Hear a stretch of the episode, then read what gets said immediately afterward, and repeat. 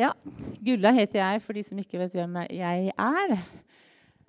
Er her i menigheten. Yes. Eh, jeg tenkte jeg skulle liksom utlevere meg selv litt i forbindelse med denne andakten. Eh, det er jo sånn at man ikke har bare gode sider. Dessverre. Eh, når jeg var liten, så husker jeg, det kom jeg på i dag, og jeg tror ikke det er liksom helt uten grunn. Eh, fordi jeg skal snakke litt om å bygge Guds rike, eller å bygge på fjell. Og i disse tider så er det faktisk ganske så vesentlig.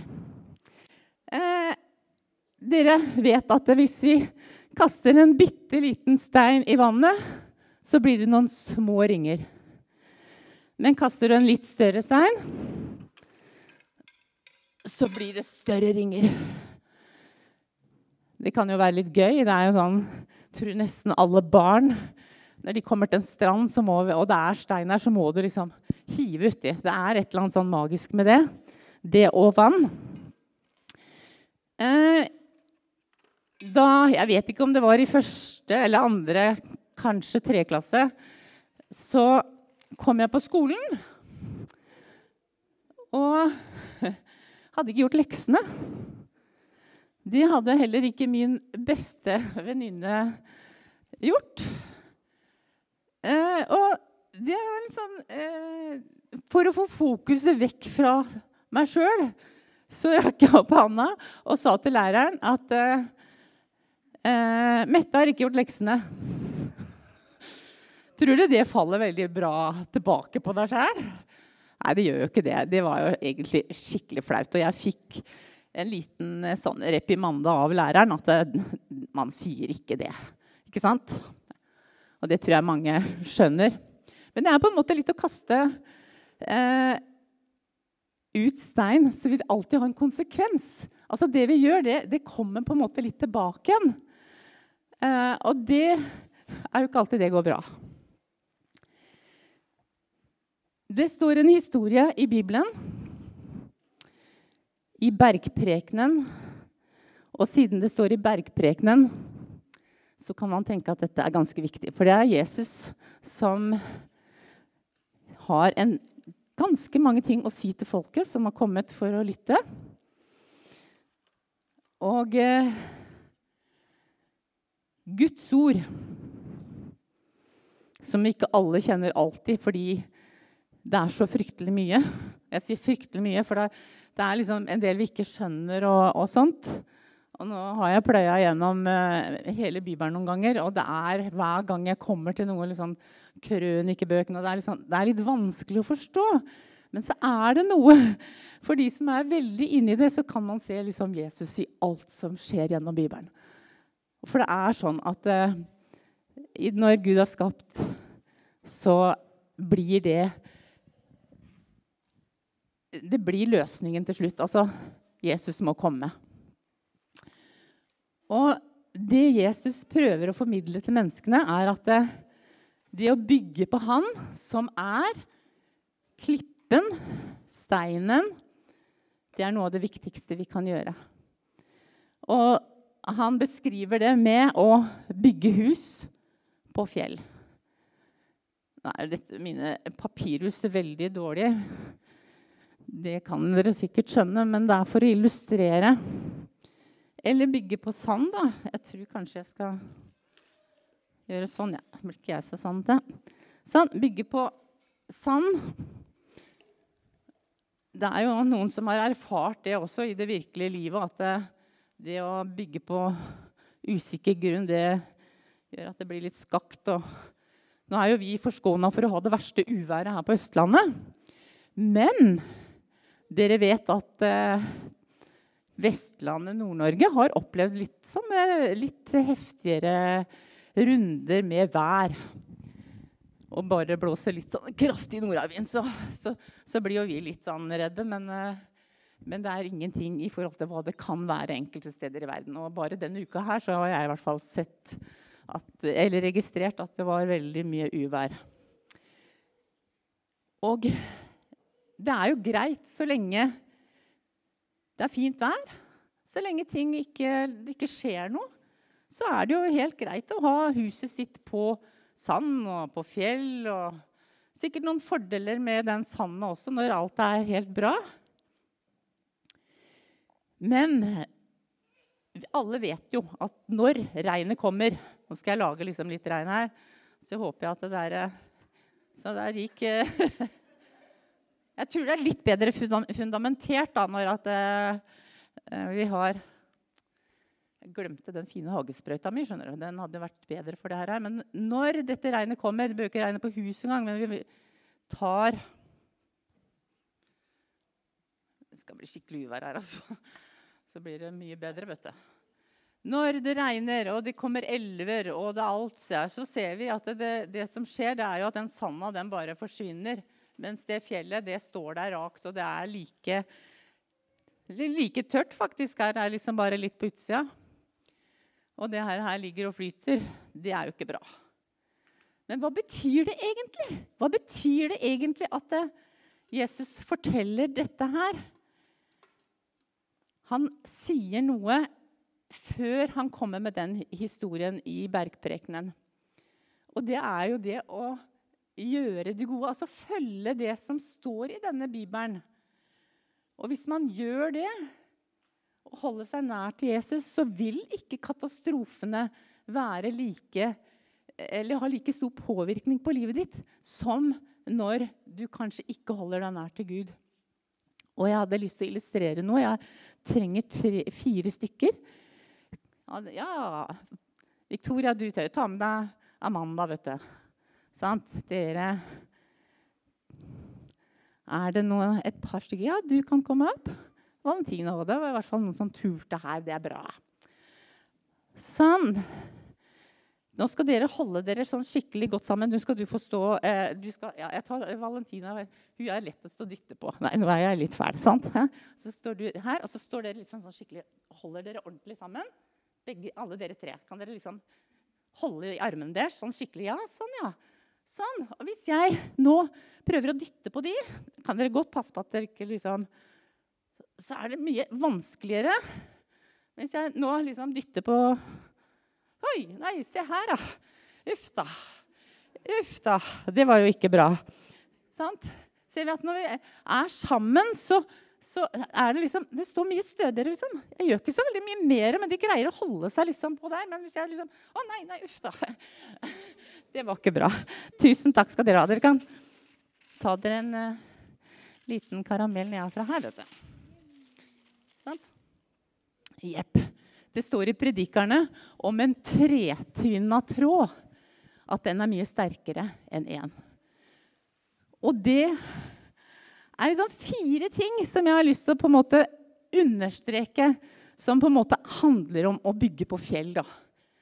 Det er selvfølgelig Bibelen, Guds ord. Så er det fellesskapet. I gamle dager, så, eller det er ikke så lenge siden, da sa vi de fire b-er. og Da var det Bibelen og brorskapet. Og brorskapet er jo fellesskapet. Og når man ser hvordan da de tre kan stå sterkt sammen, så skjønner man at det er, det er, fellesskapet er viktig. Fellesskapet er viktig for at man kan oppmuntre hverandre. Er det vanskelig, så kan man hjelpe hverandre. Det er så mange ting som er viktig med fellesskapet. Å holde motet oppe. Du hvis du er utfor en liten sånn ulykke eller Jeg husker en gang så skulle jeg kjøre båten aleine på kvelden fra hytta vår og hjem. Og så får jeg motorstopp, og så blir jeg liggende og drive. Og da er det bare sånn Kan jeg skylde litt på meg sjøl? Har jeg nok drivstoff? Du sjekker en del ting, og så bare Gud, hva skal jeg gjøre? Hvem kan jeg ringe til? Jeg det er ingen andre båter ute. Altså, Du føler deg så aleine. Men hvis du er to, da, så kan du i hvert fall Ja, kanskje vi kan eh, ja, ikke sant? Du holder i hvert fall motet oppe. Dette går bra. ikke sant? Og er man tre, så kan man kanskje holdt jeg på å gå ut og dytte. Nei, det er det verste med båt, at man ikke kan. Eh, fellesskapet er viktig. Og så har vi det som vi kaller eh, nattverden, eh, brødsbrytelsen, den er viktig for å minne oss om hva Jesus har gjort for oss. At vi holder det høyt oppe, og at det er på en måte en del av livet vårt, det som Jesus har gjort for oss. Og så er det bønnene. Og denne uka her har man bedt ekstra mye på Betania, for vi har hatt eh, bønn- og fasteuke. Og det å komme nær til Gud Og så er det noen som tenker at eh, 'jeg hører så lite til Guds stemme'. Jeg, vet ikke helt hva han sier. Men dette er Guds stemme til oss. Det som står i Bibelen. Og noen ganger så bruker Gud akkurat det som står her. Helt ut av intet så dette verset i hodet som du har lest, kanskje. I hvert fall opplever jeg det. Og da er det mye enklere når ting er vanskelig. Og jeg fortalte Jeg har egentlig vært litt høy på det denne uka her. Fordi en dag jeg gikk hjem fra jobb denne uka her, så plutselig så registrerer jeg at det er en fugl som eh, er liksom over meg. Og så tenker jeg nei, ikke måke, ikke kråke. Og så ser jeg liksom opp, og så ser jeg en ørn. Jeg har aldri sett en havørn her eh, i vårt område.